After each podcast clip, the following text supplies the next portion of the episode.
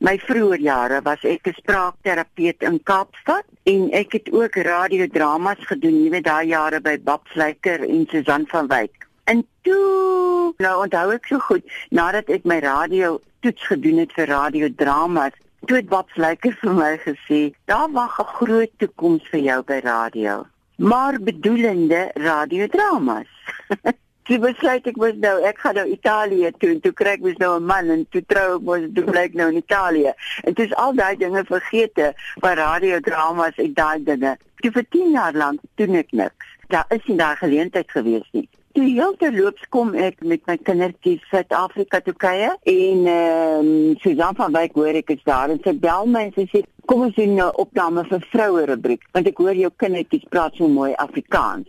Jy weet ek het daar in die Appenine waar ek gebly het, vrou alleen, het ek met my kindertjies net Afrikaans gepraat. En ons gaan toe En hier terloop sê toe sy vir my dogtertjie van 8 sê sy: "O Sarah, ek hoor jy kan mos nou baie lekker Afrikaans in die Kaap praat. Jy sê Sarah van nee, ek kan nie. Ek verstaan hulle nie. Hulle praat seker Engelse woorde tussenin. Nou ja, in die mond van die kind uit die Appenine myne van daai tyd.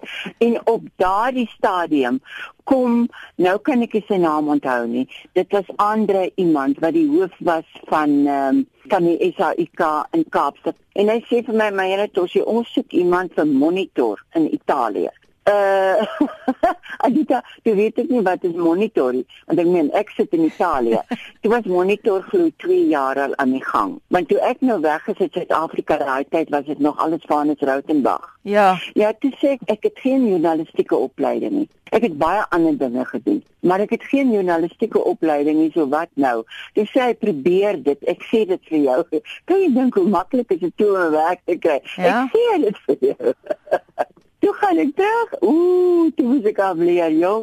Ek het 'n fout gemaak. Hy eerste 2, 3 maande wou ek handdoek ingooi want ek het 'n fout gemaak, 'n groot fout.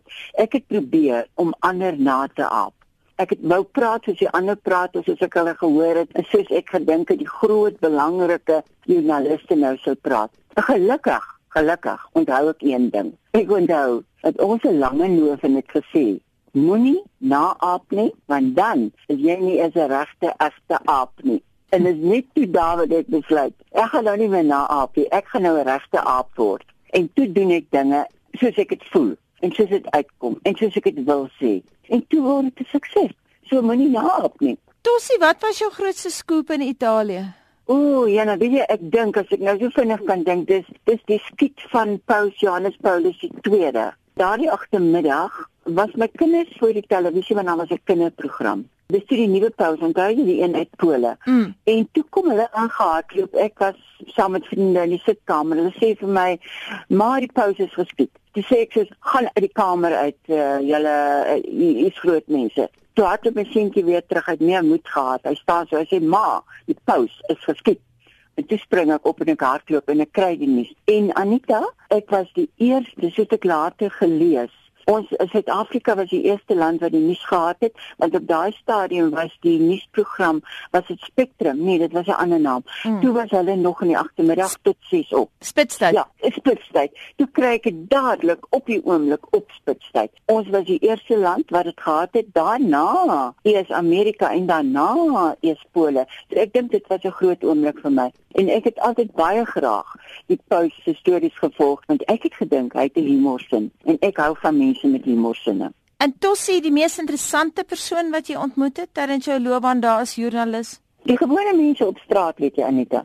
Ek het lekker stories gedoen en belang gestel in hulle dinge. So daar was so baie. Ek kan nou nie sê wie die belangrikste was nie, maar gewone mense op straat was vir my baie interessant. Wat van senuwees? Wel, 'n mens het mos maar altyd senuwees. As jy jou werk reg doen, het jy mos maar altyd senuwees voor die tyd. ek moes daai vroeë jare, jy weet, toe was dan nie selfone en sulke dinge nie. Jy moes deur 'n sentrale gaan. Ek moes eers deur die Milaanse sentrale gaan en dan het hulle vir my in verbinding gesit met die sentrale onder in die suide waar die kabelverbinding was na Kaapstad. Dan moes ek deur die Kaapse sentrale gaan en dan moes ek Johannesburg toe gaan vir die oproep. So dit was senuwees hoor, as jy sit en jy weet ek het dalk 'n minuut tyd, maar ek kan nie deurkom nie. Maar daai sentrale mense in Italië het my almal so goed geken. Dalk was hulle die interessantste persone, want hulle het vir my kom kuier. En elke keer as jy nou teruggekom het Suid-Afrika toe, toe jy nou geleidelik in die volksmond bekend raak en mense weet ja. wie jy is en almal ken jou sign of Tossie Lugner, Italië. Wat was die reaksie van mense op jou? Almal se reaksie nou nog Anita na hoeveel jare wat ek nie meer werk nie wat ek by kom is hulle sê onmiddellik posie nog net Italië? Een sê vir my sy kat se naam is Tossie En wat gebeur nou met jou lewe? Jy's nou 80. Wat gebeur nou vorentoe? Wat wil jy nog doen? Nou weet ek nie. Wat lê nou vir my voor op my ou dag? Wat gaan ek met my pensioen maak? Wat 'n navorsing gaan ek nou doen? Ek sal nou moet dink daaroor. ek gaan nou eers met my kinders kuier in die Kaap. Vir Leonardo en Sarah by kinders. My kinders wat so goed Afrikaans geleer het daar in die Appenine.